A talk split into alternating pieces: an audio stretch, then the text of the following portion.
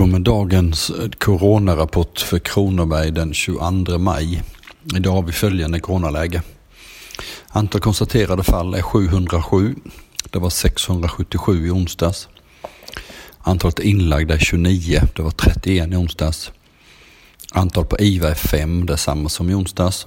Och antalet avlidna stiger till 56. Det var 51 i onsdags. Igår var det helgdag och vi fick inga siffror, därav två dagars utveckling idag. Ehm, det är fortsatt något högre tryck på IV än vad vi haft den sista tiden, men antalet inlagda sjunker något. Tyvärr så sjunker det på grund av att flera patienter har avlidit på sjukhus. På dessa två dagar är det fyra patienter som avlidit på sjukhuset och en utanför. Alla de fem var äldre.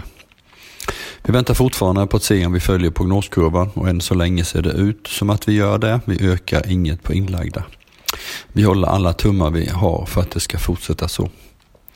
Det är lite klämdag idag så vi har inga politiska möten att rapportera om. Eh, de flesta av oss försöker njuta lite av solen och samla kraft. Men vi gör det fortfarande utan för mycket sociala kontakter. Vi håller avstånd och vi hjälper till att skapa Sveriges planaste kurva. Så ha en trevlig helg, tvätta händerna ofta och håll avstånden.